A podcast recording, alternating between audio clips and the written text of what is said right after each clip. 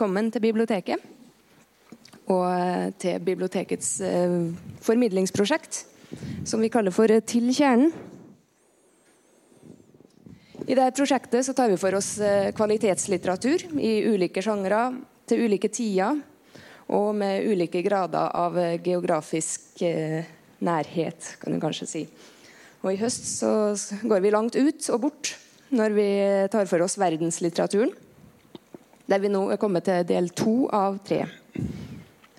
Og I denne serien har vi tatt for oss eh, land, eller i dagens tilfelle landområder, som eh, har eller har hatt en eh, helt særegen autoritet da, i det litterære landskapet. Og Vi starta med Russland, som jo hadde sin storhetstid på slutten av 1800-tallet.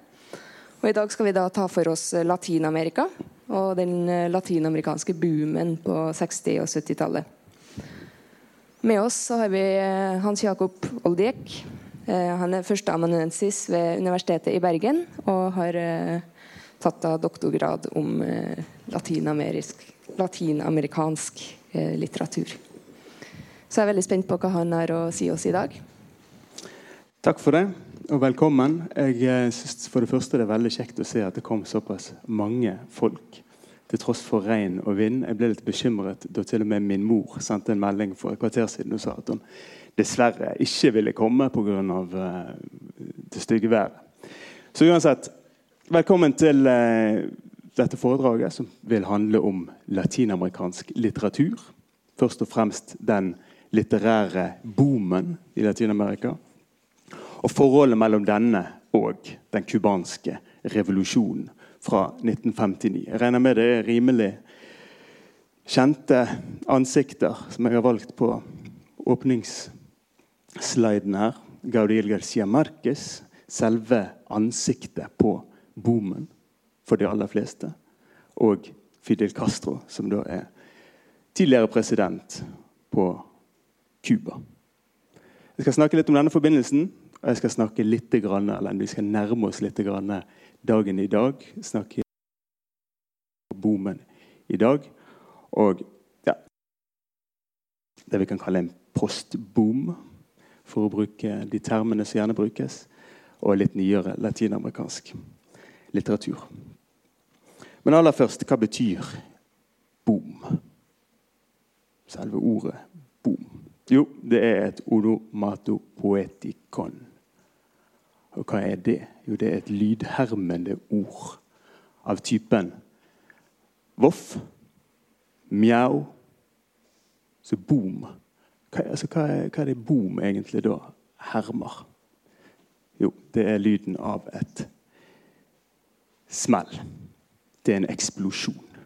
Boom. Samtidig som det er blitt såpass vanlig i vårt dagligdagse vokabular, altså der det betyr et oppsving som oftest knyttet til økonomiske termer. Altså at man har en oljeboom, f.eks. Et oppsving i økonomien. Og Det er nettopp det det handler om når vi snakker om den latinamerikanske boomen. For så vidt også økonomien. Det skal jeg komme litt tilbake til, Men dette med at det er et oppsving. Så på 1960-tallet opplever Latin-Amerika et oppsving i, den, eh, i romankunsten, i fortellerkunsten som man aldri tidligere har opplevd. Eller det vil si, den latinamerikanske litteraturen, eh, romankunsten, eh, fortellerkunsten, blir satt på verdenskartet for første gang. Med forfattere som Carlos Fuentes fra Mexico,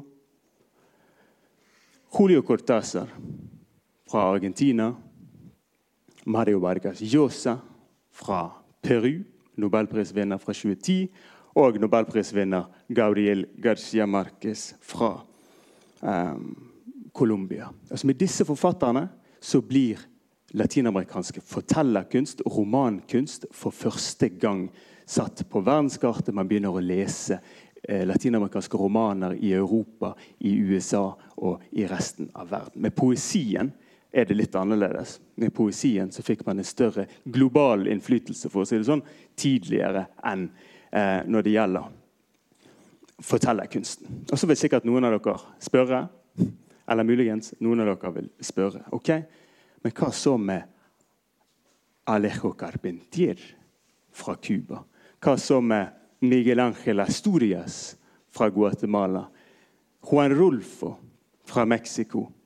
Jorge Luis Borges fra Argentina? Altså, dette er giganter i latinamerikansk sammenheng som skrev mesterverk før 1960. Ok? Absolutt. Helt på høyde med boomforfatterne. Men det er først gjennom boomen som fenomen på 1960-tallet at også disse her blir virkelig kjent i utlandet, i Europa, i USA osv. Så Bomen har en helt sentral posisjon når vi snakker om fortellerkunst på 1900-tallet i Latin-Amerika og fortsatt. Um, faktisk i den grad at det ikke er uvanlig å dele inn latinamerikansk fortellerkunst fra andre halvdel av 1900-tallet ut ifra boomen som sentrum. Altså at man har en pre-boom fra ca. 1940 til 1962. Dette er jo nødt til å bli litt sånn høyst diskutabelt. Boomen fra 62 til 74, og så får man da en post-boom i forlengelsen av det. Greit, kategorisk, skjematisk satt opp. Høyst diskutabelt, men likevel eh, viser det litt av altså, den posisjonen som boomen har hatt i Latin-Amerika. Så Når vi nå skal se nærmere på hvorfor det var nettopp på 60-tallet at boomen inntraff, når vi ser at det tross alt var en god del eh, store forfattere før det, så må vi igjen knytte an til dette onomato poetikon boom. Altså boom, den litterære boomen, var et slags ekko av en annen, et annet smell, en annen eksplosjon, som kom til å forandre og prege det politiske kartet i Latin-Amerika. Og da snakker jeg selvfølgelig om den cubanske revolusjonen fra 1959. Da Fulgencio Batista flyktet fra sin egen nyttårsfest natt til 1.1.1959 og disse skjeggete mennene kom ned fra fjellene og inntok Havanna med Fidel Castro og Che Guevara i spissen. Batista flykter, står det på dette um, nyhetsoppslaget fra Prinsa Latina. Tyranniet er styrtet, roper Fidel Castro til vill jubel på det som skulle bli revolusjonsplassen i Havanna foran en million mennesker. Men nå, sier han, nå starter det virkelig vanskelige. Nå skal vi lage en revolusjonær kultur. Og hva er en revolusjonær kultur? Altså, denne usikkerheten er jo nettopp helt grunnleggende for revolusjonen som en hendelse. Dvs. Si, de gamle svarene er avleggs. Man må skape innholdet på nytt. De gamle koordinatene virvles opp. Og på 60-tallet så fører alt dette her til en enorm kreativitet på Cuba. Altså både i, det, altså både litteraturen, i filmen, i billedkunsten, i musikken er det en enorm kreativitet på 60-tallet som blir på en måte gullalderen i eh, latinamerikansk litteratur, kan vi i hvert fall si. Med verk som altså Nå blir det litt sånn name-dropping her. José Lezama Lima sin 'Paradiso', eh, som jeg for så vidt også skrev uh, doktoravhandlingen min om.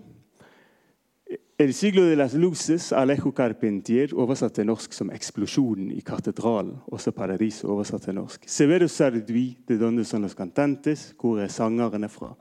Guillermo Cabrera Infante, 'Tres tristes tigres', som ikke er oversatt til norsk. Det er for så vidt ikke den heller, men de er oversatt til engelsk. Rinaldo Arenas 'Il mundo alucinante' og Miguel Barnett, 'Biografia de un cimarron', oversatt til engelsk som 'Biography of a Runaway slave. Så man opplever en boom innenfor litteraturen, innenfor filmen, eh, på 60-tallet. På Cuba. Og så får man også den kontinentale boomen, for å si det sånn. Og den skal vi nå se nærmere, for den kreative energien fra den cubanske revolusjonen når også eh, resten av kontinentet. og en av hovedgrunnene til at man får en latinamerikansk boom, når man da snakker ut ifra litterære si, kvalitetskriterier. Så den første grunnen, eller hva skal vi si eh, Tegnet på kubanske eh, revolusjonens innflytelse er nettopp denne kreative energien fra den kubanske revolusjonen som fører til en rekke verk av høy kvalitet i eh, Latin-Amerika. Og den eneste gjenlevende av disse fire store som vi har vært innom, disse fire store bomforfatterne, Mario Vargas Llosa, vender stadig tilbake til den cubanske revolusjonen når han, er i intervjuer og i artikler. Han snakker om um, likhetens glød som virkelig hersket på 60-tallet på Cuba.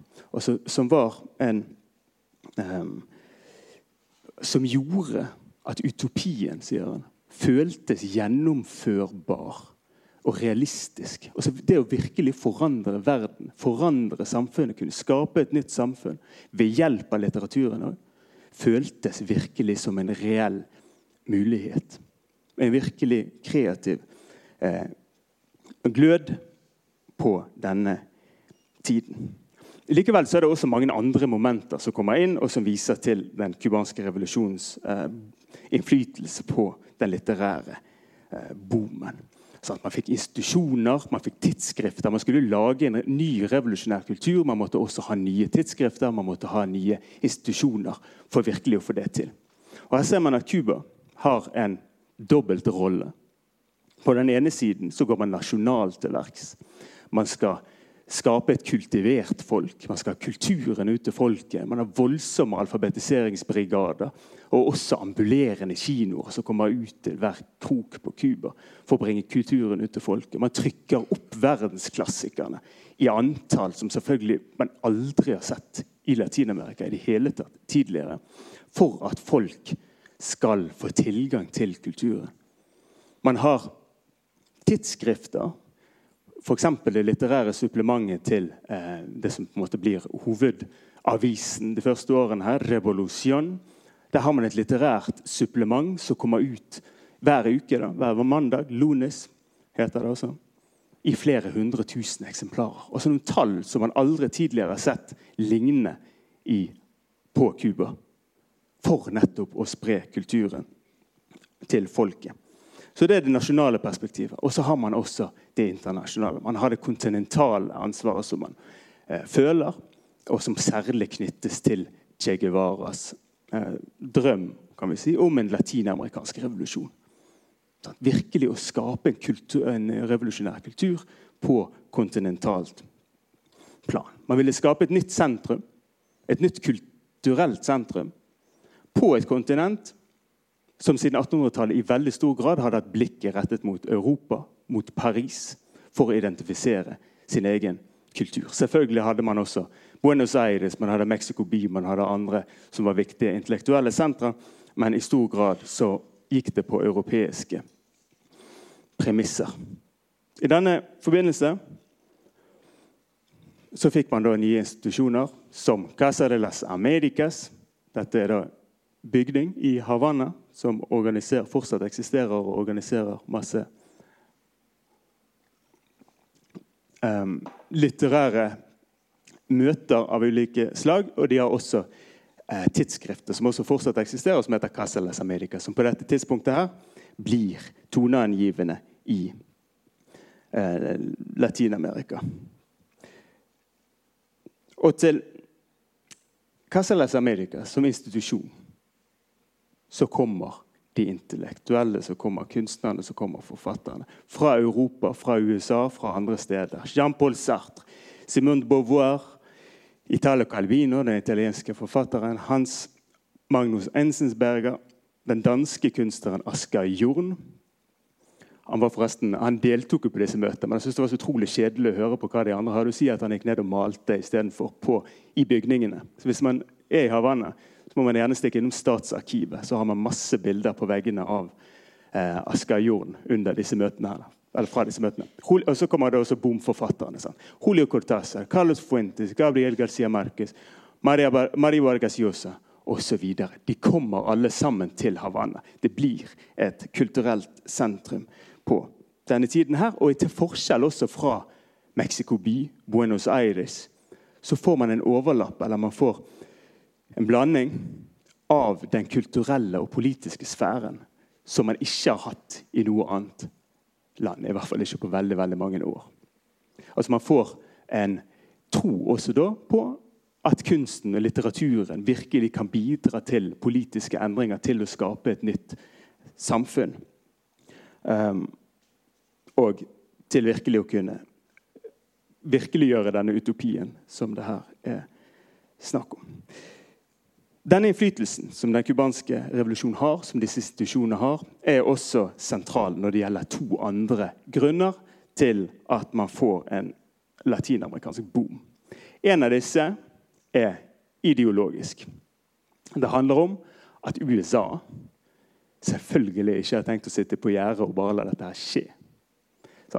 Man har jo også invasjonen i 62 osv. Men eh, også når det gjelder på en måte det symbolske nivået her, så går man til verks for å skape egne institusjoner, for å skape egne tidsskrifter. For å motvirke denne innflytelsen til Cuba og til Castellas Americas.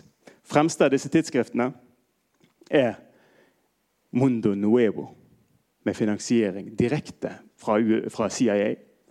Og med Emir Rodriguez Monegal fra Uruguay som redaktør. Det vil si, han gikk vel av idet han ble klar over at de fikk finansiering fra CIA. Det var ikke helt klart fra eh, utgangspunktet av.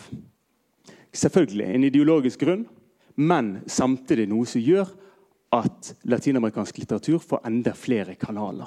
Altså, interessen vokser, tilgjengeligheten vokser. Man får stadig flere kanaler der man kan eh, bekjentgjøre, si, der man kan utspre den latinamerikanske litteraturen. Og selv om dette her ble finansiert av CIA, så publiserte Pablo Neruda, sant? den kommunistiske poeten fra Chile, her. Gabriel Garcia Marquez, Cuba-venn fremfor noen, publiserte også to, de to første kapitlene i 100 års ensomhet før det kom ut som bok. Så det var ikke sånn reinspikka, i hvert fall ikke i starten, eh, ideologisk tidsskrift, dette her. Så En annen viktig konsekvens av denne oppmerksomheten omkring Cuba eh, når det gjelder litteraturen, er også hvordan den cubanske revolusjonen helt generelt skapte større interesse for Latin-Amerika. Noe som igjen selvsagt gjorde at forlagene ante muligheten for virkelig å skape en økonomisk boom. De europeiske forlagene så selvfølgelig den interessen her. Tenkte dette her kan vi tjene mye penger på. Spesielt forlaget Cibarel fra Spania, som fikk ja, altså Noen vil jo se hele boomen først og fremst som en markedsstrategi fra forlagenes side. Men at det er en del av det, er i hvert fall opplagt. En meget vellykket strategi også for å skape en boom. Altså selve ordet er dessuten så eh, fengende og er knyttet til en forlagsstrategi.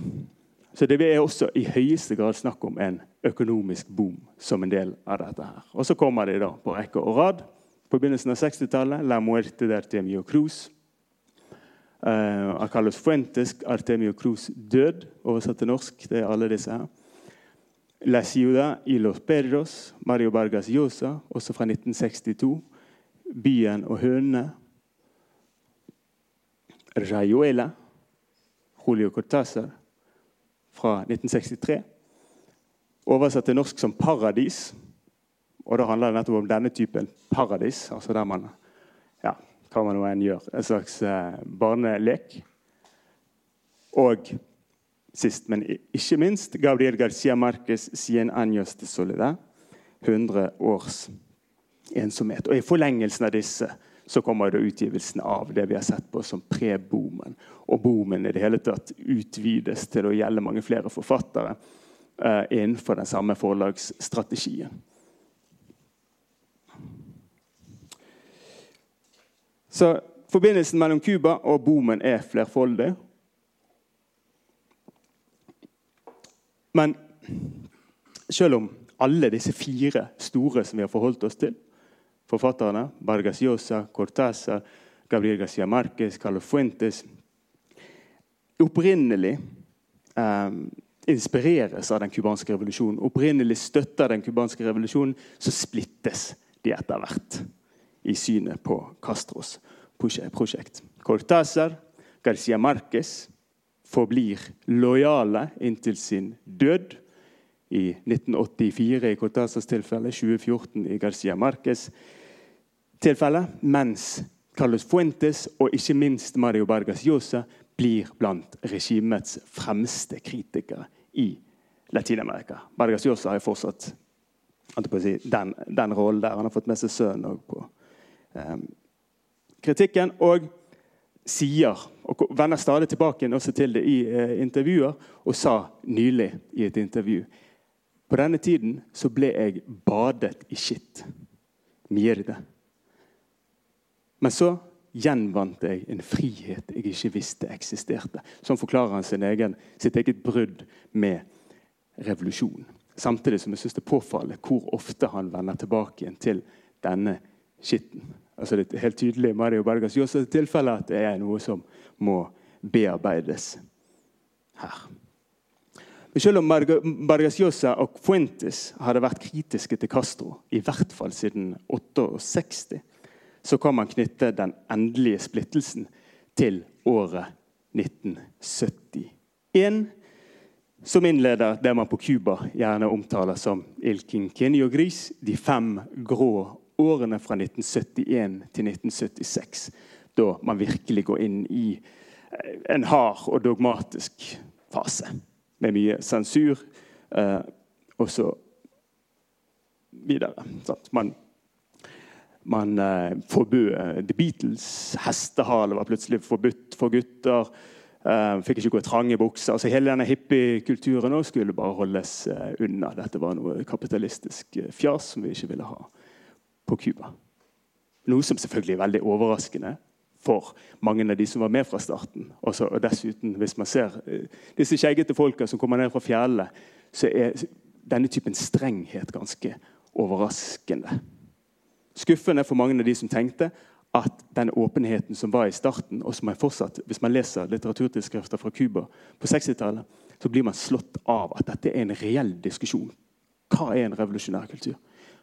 I 71 så har man på en måte sannheten, man har svaret, man går i en sovjetisk, dogmatisk retning. I sentrum av den splittelsen som dette medfører da, blant disse fire forfatterne, og for så vidt andre, er denne poeten Everto Paria og denne boken, diktsamlingen 'Fuere de Juego', 'Ute av spillet', som han publiserte i 1967. Både Paria og denne boken ble anklaget for å være kontrarevolusjonære. Det var selvfølgelig veldig mange andre som også ble, men her skapte det en stor sak. Paria sjøl måtte etter hvert i fengsel og den endelige splittelsen fant sted i 1971, da Paria står frem offentlig og beklager at han har forrådt revolusjonen, at han har opptrådt kontrarevolusjonært, at han har sviktet sitt folk. Han navngir også mange andre forfattere, bl.a. Lesama Lima, som visstnok har gjort det samme, og som kommer i problemer pga. denne talen.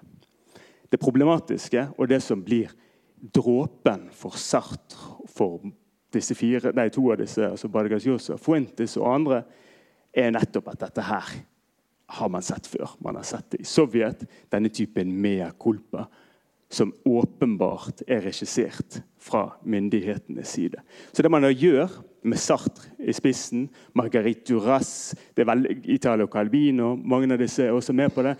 I tillegg til Fuentes og Vargas Llosa. Det er å skrive et åpent brev til Fidel Castro, publisert i avisen Madrid 21. mai 1971, der de nettopp uttrykker dette.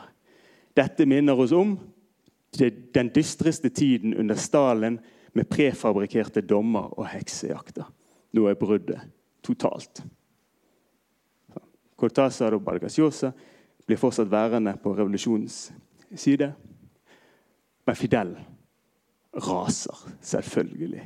Altså, disse falske intellektuelle, som man kaller det, som holder oss cubanere og latinamerikanere for å være noen lærlinger når det gjelder revolusjon. Sant? Disse europeerne skal komme oss og fortelle oss hvordan vi skal lage en revolusjon. Den revolusjonen som de sjøl ikke har klart å skape i Europa. Altså nykolonialismer. Eh, nykolonialister eh, kaller han det. Dette er nykolonialistisk mentalitet.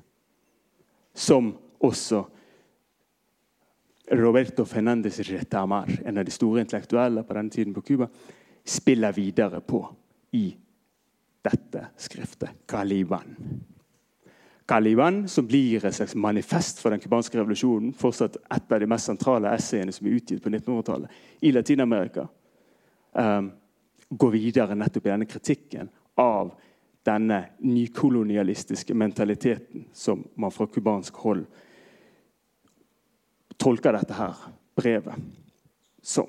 Tittelen her refererer til 'The Tempest' av Shakespeare og møtet mellom eh, Europa og den nye verden. Hvordan prinsen, den europeiske prinsen Prospero kommer i land på en øy i den nye verden sammen med sin datter Miranda og treffer Caliban og Ariel, luftånden Ariel, som er da to innfødte som han gjør til slaver. Der Ariel, luftånden, altså, som her knyttes til det intellektuelle, er den som man gjerne omtaler som el buen salvaje, altså den gode villmannen, den edle villmannen. Den som lar seg kolonisere, den som lar seg kristne, den som lar seg temme. Og så har man på den andre siden Kaliban, som man ser ganske åpenbart ikke lar seg temme. Som er det motsatte. Som er på en måte kannibal, altså Det er jo anagram over eh, kannibal. kaliban. Den eh, voldelige, den kompromissløse. Den som ikke lar seg innlemme i dette prosjektet, og heller ikke i den kristne tro. Det er også han som er arving av denne øyen før Prospero sin ankomst. For Retamar så blir nettopp luftånden Ariel et bilde på den intellektuelle som etteraper europeeren, som godtar europeerens premisser for hva en revolusjonær kultur for eksempel, skulle være. Um, mens Caliban blir den som kjenner landet, den som virkelig kjenner landet. Den som representerer det latinamerikanske folkedypet, som ikke er den intellektuelle, men som representerer det autentiske latinamerikanske. Den som ikke lar seg temme. Og I forlengelsen av dette her, så stiller Retamar samtidens intellektuelle latinamerikanere overfor et valg. De må velge mellom å tjene Prospero, koloniherren, europeeren, som er det gild, eller å slå følge med den cubanske revolusjonen for virkelig å frigjøre Caliban, for virkelig å frigjøre det, nei, det latinamerikanske folket. Og selvfølgelig, sier han, den cubanske revolusjonen er una revolución calibanesca. Altså en calibanesk revolusjon. Sagt med andre ord imperialistenes egne ord, faktisk Enten er man med oss, eller så er man mot oss. Dette er 71, store splittelsen, splittelsens år. Og som vi vet, Carlos Fuentes, Mario Vargas Llosa mot Cortázar, og Garcia Marquez er med.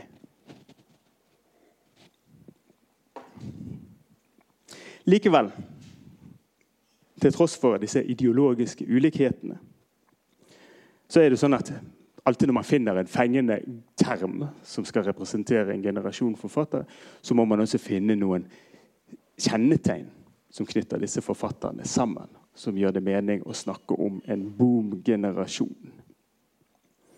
Så I forbindelse med boom-generasjonen har man i denne sammenhengen i veldig stor grad gått stilistisk til verks. Altså Man har en eksperimentell fortellerstruktur Og fremfor alt utbredelsen av det fantastiske med de ulike variantene man finner innenfor det. Altså Hos Julio Cortázar for eksempel, så handler det om en fantastikk som til dels er forankret i Rio de la Plata-området i Argentina, og dessuten eh, fransk eller europeisk surrealisme. Når det gjelder Garcia Marquez, er dette litt annerledes. Knyttes jo spesielt til termen magisk realisme, til dels også inspirert av William Faulkner. Og I forlengelsen av dette så har man gjerne snakket om to typer. Eh, eller fordelt fantastikken i to typer. Altså at man har en slags universell metafysisk fantastikk på den ene siden, representert av Cortázar, Borges fremfor alt. Og så har man på en måte den spesifikt latinamerikanske fantastikken knyttet til Carpentier, Rulfo, eh, Garcia Marquez og så videre. Altså der man i større grad vektlegger det fantastiske innenfor en latinamerikansk sammenheng. Man tenker gjerne også at disse her går i forlengelsen av det man har kalt den regionalistiske romanen Eh, på begynnelsen av 1900-tallet i Latin-Amerika, som nettopp på en måte ville si, avlese en sannhet om den nasjonale eller den kontinentale identiteten ut ifra kjennskapet til landskapet, på sett og vis, eller regionen. At man på en måte skulle hente det essensielle ved stedet ut fra eh, landskapet. Så, og vektleggingen av det fantastiske som man ser, henger også sammen med den tematiske utforskningen til Boom-forfatterne. Hvis det er ett tema jeg tror man vil kunne være enig som kan stå som en sånn fellesnevner for Boom-generasjonen, så er det den altså jakten på latinamerikansk identitet.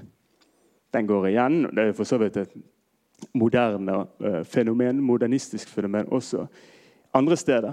Men i Latin-Amerika har det en styrke som jeg tror ikke man ser eh, i Europa. Man ser det allerede fra, fra 1800-tallet, etter frigjøringen fra Spania, at dette blir en sånn altså, OK, vi er annerledes enn europeerne, men hvordan er vi annerledes? Er vi annerledes egentlig? Altså, hva, er det? hva er vi for noe nå når vi er uavhengige? Dette her blir sånn insisterende spørsmål i Latin-Amerika. Veldig mye lenger enn veldig mange andre steder. Det fremste uttrykket for denne jakten finner man kanskje hos Garcia Marquez og 100 års ensomhet, der Garcia Marquez måtte prøve å innsirkle latinamerikansk identitet gjennom å blande historien og mytene. Altså Han innsirkler på en måte. Det omhandler just, um, altså Romanen omhandler historiske begivenheter, men fortalt via myter i et mytisk språk, i en mytisk struktur osv.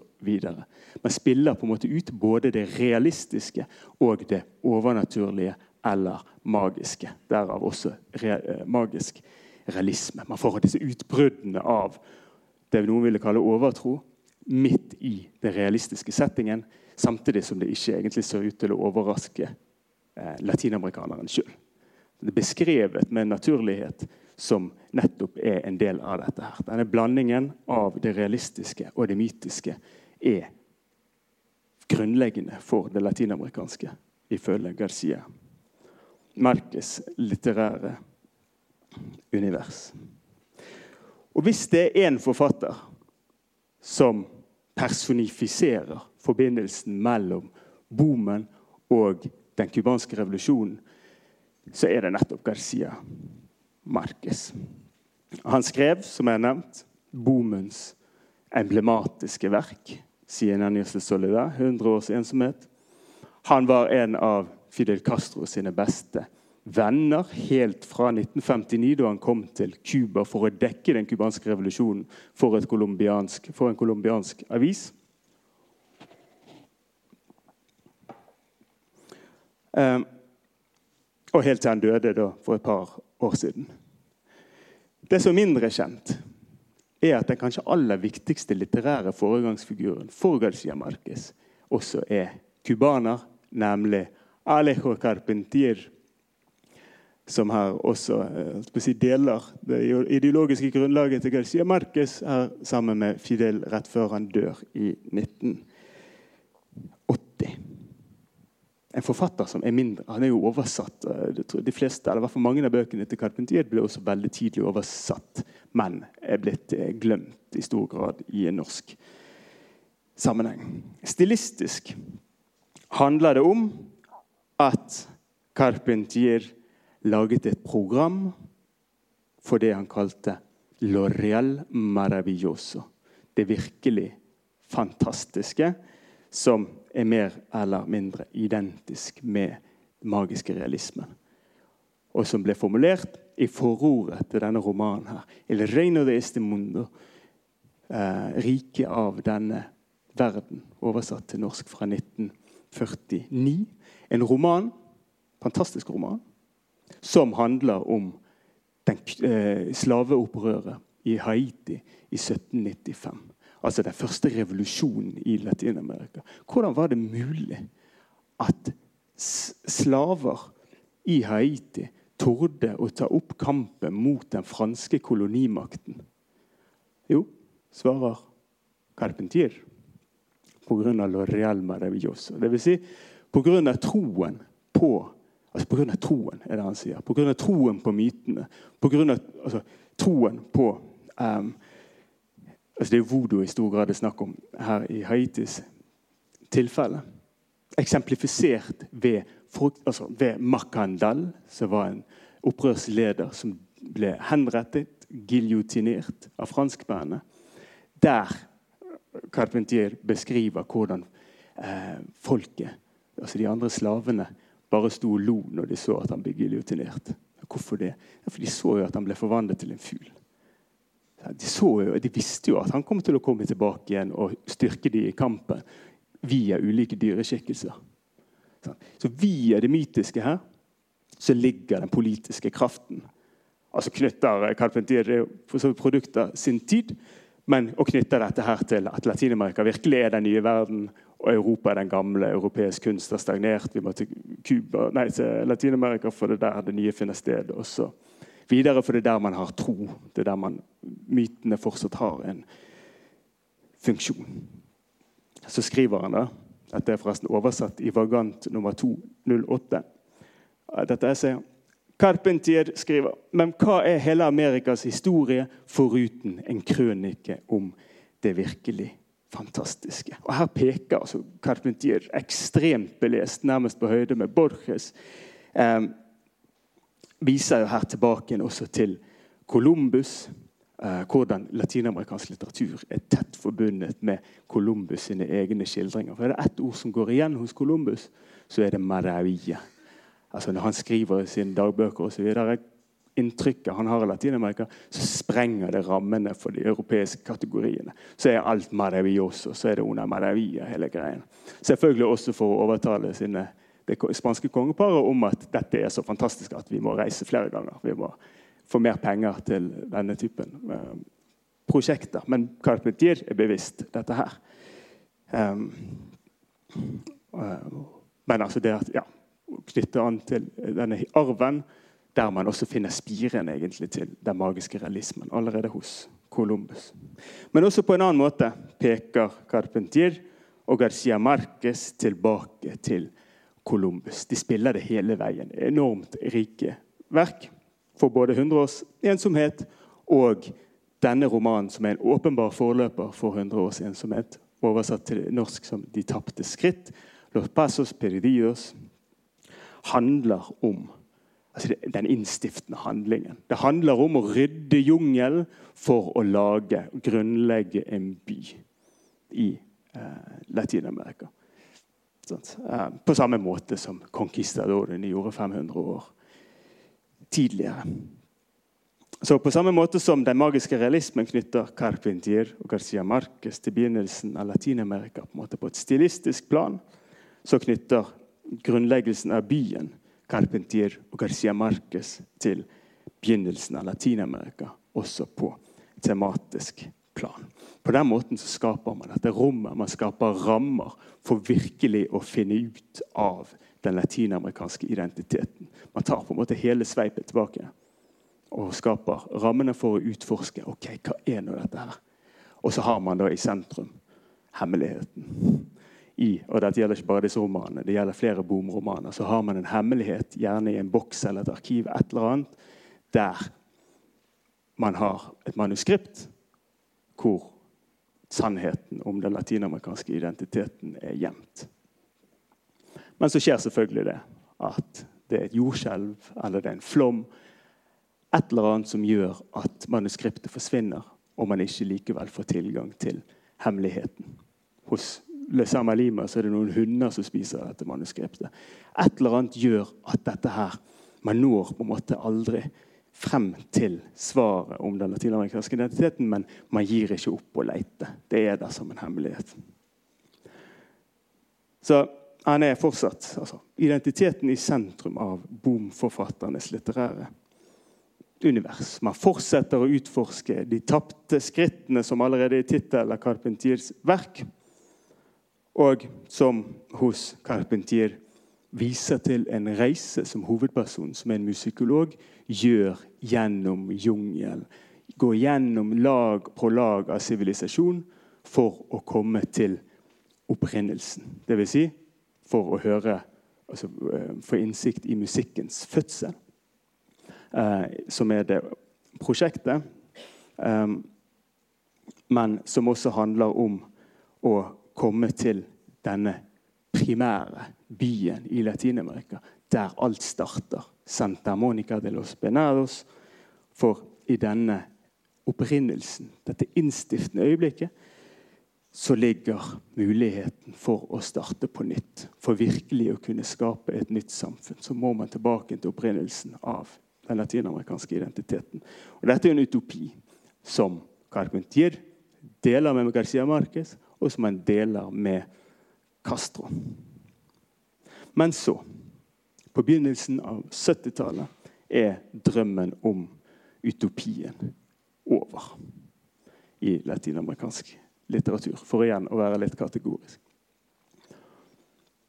Blant annet fordi at den kreative kraften fra den cubanske revolusjonen faller bort idet Cuba i større grad innlemmes i den sovjetiske folden. Ilkenkinio gris i det hele tatt. Man går inn i en fase der denne troen på å forandre verden gjennom litteraturen tar slutt. Til dels har det å gjøre med at det ene landet etter det andre faller inn i militærdiktaturer utover, utover på 70-tallet i Latin-Amerika. Optimismen knyttes igjen, eller slår om i en pessimisme. Til dels har det også å gjøre med større konjunkturer. Altså man, eh, altså Det har med 70-tallet for så vidt generelt å gjøre, hvor man begynner å snakke om den postmoderne tilstanden hvor man virkelig begynner å snakke om en globalisering osv. Som gjør at dette med jakten på en nasjonal identitet egentlig virker ganske avleggs. Så man har på en måte det spesifikt latinamerikanske av årsaker, og så har man dette eh, mer generelle eh, som går på, på, det postmoderne og på globaliseringen. Så postbomen overtar, men ikke lenger med et smell. Altså jeg tenker Postboom, hvis det overhodet Det er en ganske kritisert term, det også. Men hvis det utsier noe, så tror jeg vekten bør være på post heller enn boom. Så det vil si, her har man følelsen av at noe er over. Man har følelsen av at man kom for seint til festen. på sett og vis. Um, som jeg tenker man kan lese ut av dette her. Um, Like fullt så skal ikke man undervurdere innflytelsen til noen forfattere som blir sentrale i denne situasjonen. Jeg tenker Hvis det er én forfatter som setter opp et speil for boom-generasjonen um, og den cubanske revolusjonen, og som innleder det man gjerne kaller for post-boom, så er det enda en cubansk forfatter ved navn Severo Sardui. Jeg er ikke helt objektiv, for jeg skrev avhandlinger som han. Um, Severo Sardui, som allerede i De Donde Son Los Cantentes fra 1967 knytter seg eh, oppløsningen av en nasjonal og en kontinental identitet bokstavelig, talt til oppløsningen av Fidel Castro og den cubanske revolusjonen. Siste kapittel av denne romanen her har tittel 'La entrada de Cristo en la Havana'. Altså Kristus' ankomst i Havanna. Men hvem er Kristus? Det er Fidel som kommer inn i Havanna med horden, med massene rundt seg. Og så er han så sliten. Han orker ikke disse og disse proletariat osv. Han blir trøtt, blir revet i filler, nærmest. Um, og Havanna sjøl fryses til is. Typisk trekk ved Saudi. Snøen faller i Havanna. På en måte Sporene av det forgangne forsvinner. Man er i et øde om å prøve å finne veien på nytt.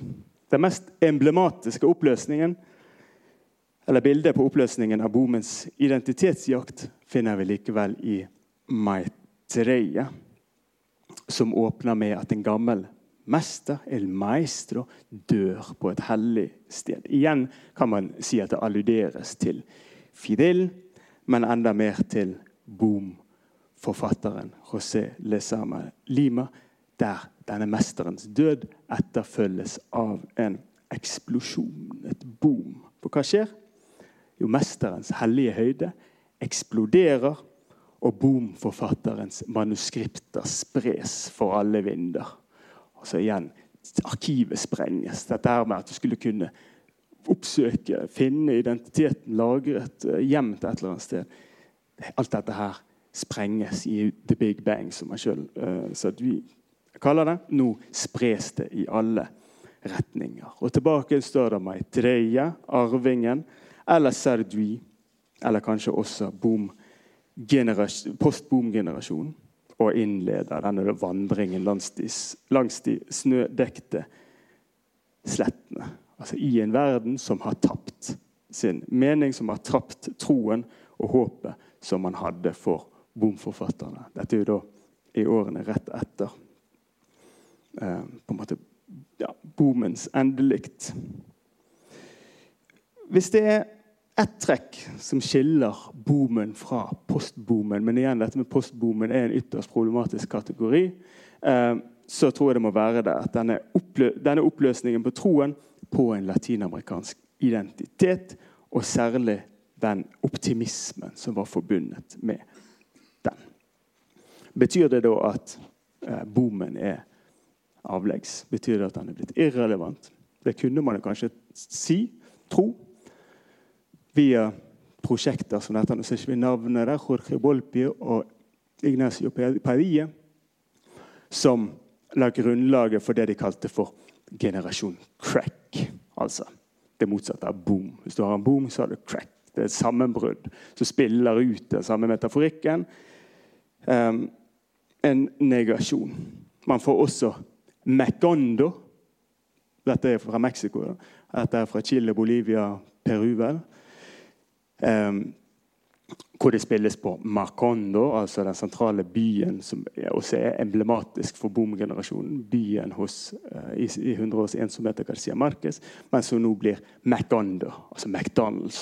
At vi er trådt over i noe, en global og uh, en tidsalder preget av en global kapitalisme, ikke minst. Der McDonald's blir symbolet på det, som utsies her. altså man man er ferdig med Macondo som identitetsprosjekt. Nå er man i en global tidsalder. Eh, og dermed blir Mark, altså, eh, Garcia Marquez avleggs. Igjen spiller på eh, på Macondo hos Garcia Marquez. Og jeg tenker allerede i dette fadermordet, for å si det sånn, dette generasjonsoppgjøret som disse prøver å innstifte, Kanskje uten å på en måte kunne backe det med verk som er like store som bomforfatterne. Viser jo i seg sjøl for så vidt til relevansen av bommen. Altså Man blir ikke helt ferdig med det, man må plassere seg i forhold til det, man må kritisere. Det er den fremste, altså den eneste tror vi kan si, forfatteren siden bommen som virkelig har oppnådd den typen kritisk, eller posisjon blant kritikerne og hos leserskarene som bomforfatterne faktisk klarte, det er Roberto Bolaño fra Chile, som sikkert mange kjenner til, som døde i 2003. Bolaño er kjent bl.a. for sine kritiske utfall mot nettopp Garcia Marquez. Han hatet alt som hadde med magisk realisme å gjøre. Isabel Allende var i hvert fall den som fikk virkelig eh, gjennomgå. Isabel Allende sa vel bare noen dager etter Bolanios død at han var en av de mest, minst sympatiske menneskene jeg noen gang har truffet. Og det at han nå er død, gjør han ikke noe bedre. Altså, Jeg snakker om det sånn. Eh, men hun var jo da han ble kalt for en altså, i veldig negativ ordelag, i hvert fall, av eh, Bolaño. Så Men likevel, går man litt Bolaño etter i sømmene, så å si, så er det tydelig at han også skriver seg inn i Boom-forfatternes tematikker, som f.eks. i denne romanen, som også er kjent for noen av dere. Roberto Bolaños 'Los Detectives Salvajes', oversatt til norsk som 'Ville detektiver' av Kristina Solum. Og jeg tenker, altså, Hvis 100 års ensomhet er en generasjonsroman for boom-generasjonen, så kan kanskje dette ses som en generasjonsroman for post-boom-generasjonen. Da starter handlingen også rett etter boomens endedikt. Den starter i 1975 idet vi følger hovedpersonene Arturo Belano, Ulises Lima, Juan Garcia Madero, som er medlemmer av en ung gruppe med forfatterspirer eh, som kaller seg for El Realismo Visceral, innvoldsrealistene. Og som er en form for eh, litterære terrorister. Dette omhandler for så vidt Bolaño sin egen ungdom da han eh, dro på eh, opplesning av Octavio Paz og andre av disse kanoniserte forfatterne bare for å lage kvalm. Altså han var en slags litterær terrorist, det han han omtalt seg sjøl som fra denne tiden her. Og realisme bisirell. Det er nok også en slags spark til realisme og magico. Magiske realisme, L'Oreal Maravilloso også videre. Likevel, denne romanen her, for meg, er modellert i stor grad etter de tapte skritt. Dette er de tapte skrittene. Man vil tilbake. Altså, mens Carpentiers hovedperson i den boken som faktisk heter 'De tapte skritt', en musikolog som vil finne tilbake til musikkens fødsel fordi samfunnet har spilt fallitt, fordi man trenger nye impulser osv., så, videre, så er dette her eh, De tapte skritt i denne romanen går tilbake til innstiftelsen av den litterære avantgarden man vil på en måte altså igjen fra et 70-tall som eh, ikke der man føler at man er kommet for seint, så vil man finne tilbake til den styrken som var der på 20-tallet via eh, avantgarden.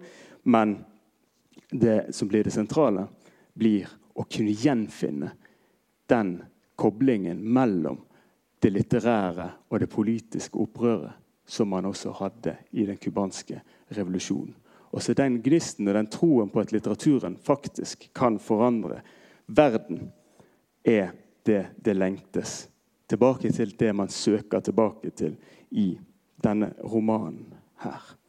Sånn. Boomens revolusjonære optimisme er erstattet av pessimisme, og Bolaño harselerer direkte med den neste ganske store revolusjonen i Latin-Amerika, nemlig sandinistrevolusjonen i Nicaragua i 1979, som for han bare blir et fjernt ekko av den gnisten som Cubas revolusjon hadde tent i boomgenerasjonen 20 år tidligere. Han spiller det ut. og Selv i sine geberder, selv i sine eh, gestikuleringer, så blir disse revolusjonære sandinistene og forfatterne blant dem bare etterapninger etter Fidel og liksom, måten de røyker sigar på osv. Han harselerer over at dette er bare en blek kopi av det som en gang har vært. Samtidig som han spiller ut at den cubanske revolusjonen bare er en blek kopi av det han har vært. at den cubanske revolusjonen faktisk er, er blitt en parodi på seg sjøl. Hvordan gjør han det? Jo, han gjør det gjennom å fortelle historien om Reinaldo Arenas. Dette her er jo da en roman som er en eh, ansamling i stor grad av vitnesbyrd, iscenesatte vitnesbyrd av ulike personer. Jeg husker faktisk ikke hva Reinaldo Arenas heter i den romanen, men det er Arenas sin historie som fortelles. Arenas, som var en eh, en av de største cubanske forfatterne på 60-tallet. Som var revolusjonær i sin ungdom, men som så blir uh, uh, satt i arbeidsleir pga. at han var homoseksuell mot midten av 60-tallet. Her står det forresten Traidor eier, traidor oi, traidor siempre. Forræder i går, forræder i dag. Alltid forræder. Uh, holder han opp et skilt foran seg sjøl. Syk av aids tok han livet sitt i 1990. i Miami etter å ha fullført selvbiografien 'Antiskan og Chiske' før natten faller, som også er filmatisert under tittelen 'Before Night Falls', med Javier Bardem i hovedrollen. Johnny Depp er vel inne i en rolle der. Uansett. I denne boken får Castro skylden for hans nært forestående selvmord. Jeg gjør frivillig slutt på livet mitt fordi jeg ikke lenger kan arbeide. Ingen av de som omgir meg, er innblandet i denne beslutningen. Det finnes bare én ansvarlig, Fidel Castro.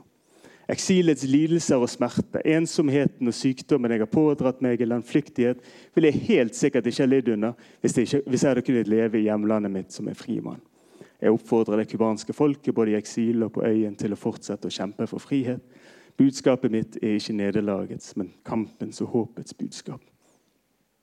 Cuba vil bli fritt. Sjøl er jeg fri nå. Signert Reynaldo Arenas for at det skal publiseres. Det siste ord her. da. Dette er også oversatt i Vagant 208.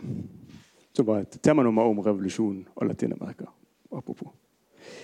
Eh, referansen til Arenas er ikke bare en tematisering av det ytterste forfallet av, på tilliten til en forening mellom revolusjon og litteratur, men peker også mot et av de mest interessante trekkene ved toneangivende forfattere i dag, nemlig behovet for å utforske de arrene som den latinamerikanske historien har skapt. Altså, på den ene siden snakker man om slutten på den latinamerikanske litteraturen, som er tittel på en artikkel av Jorge Bolpi fra crack-generasjonen. På den annen side så er det noen arr noen sår i historien som gjør at man stadig vender tilbake til et historisk material for å eh, forstå. For å eh, kunne bearbeide nasjonale traumer. F.eks. i Bolanjos tilfelle når det gjelder eh, Pinochet osv. Men altså, det er noe der som gjør at man stadig vender tilbake. og som gjør at Jeg også tenker at det å si at den, altså, identitetsfokuset er dødt, er å overdrive. Altså Selv om det ikke lenger er i form av et manuskript du kan avlese, så er det likevel noe der som insisterer på at du skal vende tilbake. For å komme ut av voldens evige gjenkomst. Og for å kunne abrir la mente para un nuevo país, åpne sinnet for et nytt land for å sitere Jeg tenkte det var en grei måte å avslutte på i dag, siden det tross alt var borgerkrigen i Colombia ble slutt. I dag, så, for å sitere Juan Manuel Santos, presidenten i Colombia, som signerte fredsavtale med FARC-lederen med pseudonymet Timosjenko i Cartagena. Dette dette er ikke uten en viss symbolsk betydning. Altså Ikke bare det at Garcia Marquez beskrev den colombianske borgerkrigen, omtrent alt han holdt på med, og at han var megler i den colombianske borgerkrigen mellom regjeringen og FARC-geriljaen. Men han ligger også begravet her, i Cartagena. Han ble vel også omtalt som, av den samme Santos som den største colombianer som noensinne har levd. Jeg synes det er ganske greit.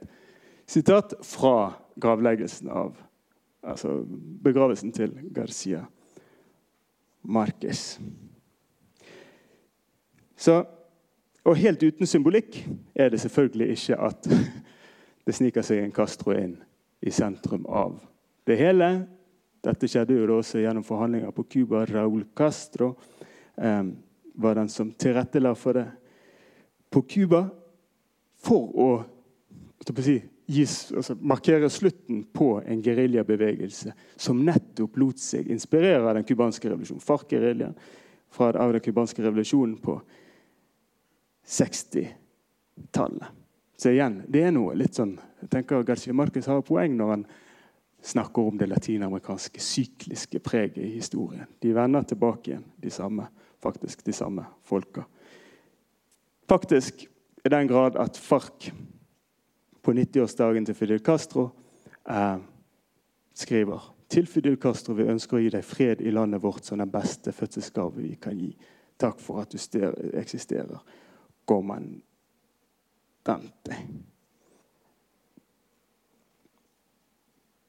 Du har lyttet til en podkast fra Bergen offentlige bibliotek. Har du lyst til å følge med på utgivelsene våre, kan du søke opp Bobcast i iTunes eller i podkastappen din, og abonnere på oss der.